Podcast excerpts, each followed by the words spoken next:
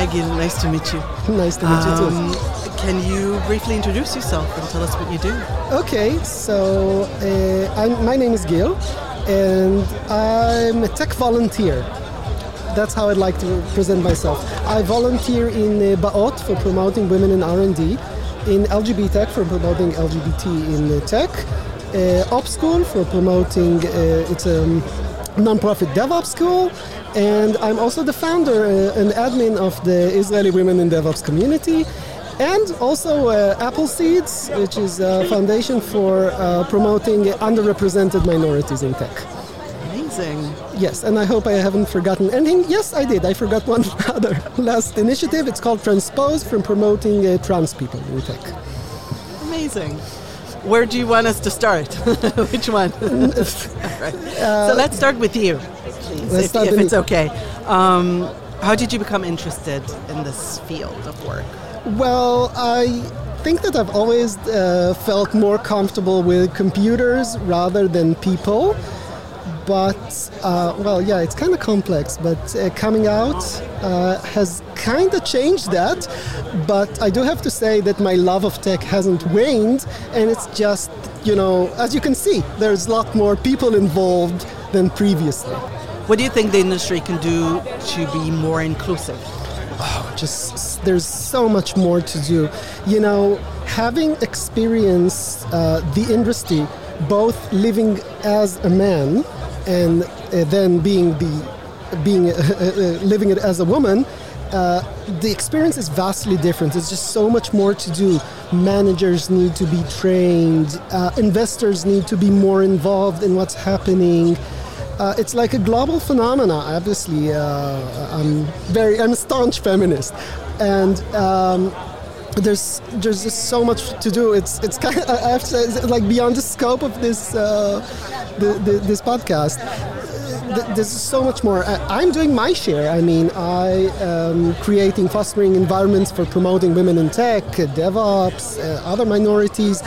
Uh, but I'd love to see more from companies the more the merrier. Just do, think of something and do it. There's just so much that needs to be done. What would you wish um, companies know about inclusivity that they don't know? Oh, again, there's so much. Inclusivity can span so many different types of uh, minorities and underrepresented groups. There's LGBT, there's women in tech, there are people who are disabled, there are ethnic minorities, all of them require, I wouldn't say just require attention, because uh, once you put that effort, uh, you gain so much. You gain access to um, more talent. You gain diversity of ideas. It's it's beneficial. It's it's an effort that repays itself twice, thrice the effort. But people need to believe in it and take the effort and do it right. Consult with people that have done it successfully, read about it, and unfortunately, I think not many companies are up for the task. How do you stay up to date with everything technological? Oh, wow. Um, well, being in DevOps is like one of the hardest challenges ever. So, you know, actually, um, tech groups are one such way because when I run a survey in my community, uh, what is the most important topic that you wish to uh, improve your skills in? And then uh, the group votes, and I say, hey, okay, that's something maybe I should pay more attention to developments in that field. So we're going to have like a meetup on infrastructure as code, and one of the new things that came up also was um, uh, GitOps, Argo, and Flux. So yeah, the group itself helps surface these things out and then also hash them out too. Like we talk about everything. If there's a new technology and someone tries it, uh, then they're happy to share. And also when they encounter problems, they feel free to ask. And there's lots of discussion. I've, I've had comments about the group being overly noisy, but that's a good thing, right? of course. What advice would you give to a young woman or someone from a minority group who aspire to work in DevOps? Oh, wow. Um, well, first, connect with people.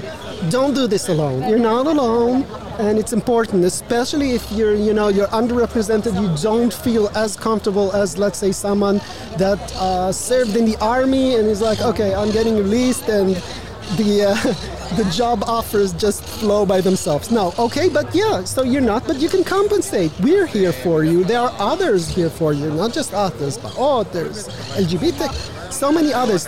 Just first thing first, don't do this alone. Second thing is okay, it's hard. It's not uh, too hard, but it's hard. So get prepared. It's an effort. It's a mental effort. Again, uh, your peers may support you.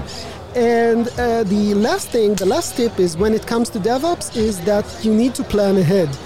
DevOps is a um, complex field with varied, um, let's say, roles. Some of them are not fit for junior, obviously, but some of them are. And if you plan your steps correctly, you have a better chance of getting that job rather than putting effort. There's just so much things that can soak your effort and not repay it uh, so that's my last tip. And if someone is listening to us right now and want to contact you or other groups, where would be the best place to find you? Oh, uh, wow. Okay, first, my LinkedIn is open for invitations. My Facebook, you can just send me a, an instant message. I'm also on Twitter. I, am trying to make myself accessible. But, you know, uh, other than that, uh, with regards to the actual existence of groups, yeah, I don't think there's a portal or something. But so the best tip right now is to ask around, but maybe we should have something like that. Like a portal says, okay, these are known NGOs for promoting women. These are known NGOs and so forth. Uh, maybe, yeah, I maybe someone we, would, we would pick something. that up. Yeah, maybe we have something.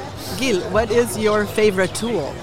What is my favorite tool? Oh wow, that's hard. That's hard. That's a hard one. Um, I think Terraform.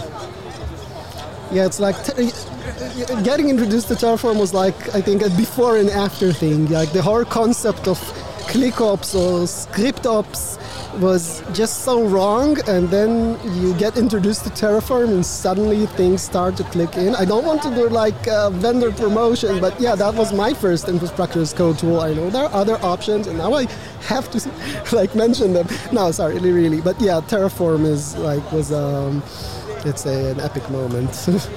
How would you uh, explain DevOps to a ten-year-old? wow. Okay, so explaining DevOps to a 10 year old. Okay, actually, that's, yeah, I've been asked that, like, different thing, but yeah, I can, I think I can uh, adapt that to a 10 year old. There's the programmers who code stuff, and we take that code and do whatever it takes to turn it into a real product. That is, that's the explanation, like in a nutshell, then you can deep dive into we help get it tested, we help put it on the servers that are responsible for it, and we help secure it and so forth.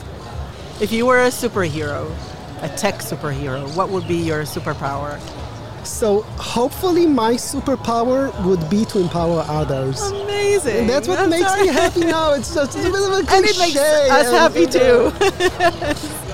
um, if the cloud was a tourist destination, what destination would it be? Oh, if the cloud was a, a tourist destination, uh, to be honest, I think that a lot of the cloud deployments I've seen look more like uh, like ruins rather than a tourist destination. I'm sorry, I had to say it, but yeah, hopefully it would be something like New York. Um, because it's like the Big Apple, so many opportunities, but yeah, there are the slums. Okay, yeah, we covered that part. and then if you go to the wrong neighborhood, uh, you might be best. But yeah, I'd pick New York. Where do you see the cloud industry in five years' time? Oh wow, that's a hard one. Like there's a saying about how prophecy is for the fools.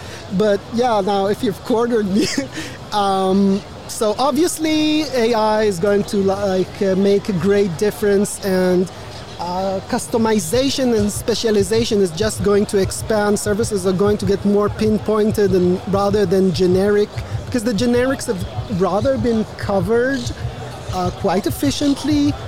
Um, we're going to see uh, more specialized clouds for uh, specific needs that the uh, big, uh, big three, big four can't uh, or won't uh, tend to, and that's it, I guess. If you could invent a completely useless but hilarious gadget, what would that be? Oh, a completely useless but hilarious gadget? Oh, I've got one. Um, okay, it has to be generative AI, of course, but here is something that is going to take your uh, infrastructure, it's going to scan your infrastructure, and then create an anime out of it. Amazing. I think that takes the cloud to Tokyo, maybe, but. Before we conclude, it's important for me to ask do you have something that you'd like to share with us? Do you want someone to know about the topics that you care about and you'd like to promote? Just do it.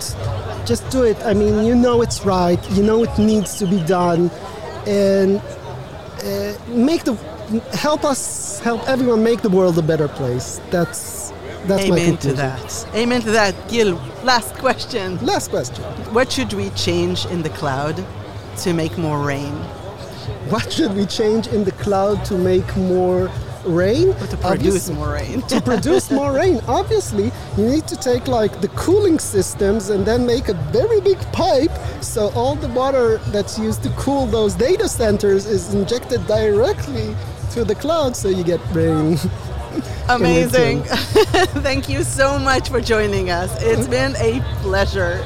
Likewise. Thank you, Gil. Thank you so much, you. So nice to meet you. Thank you. Bye It's like, bye. bye.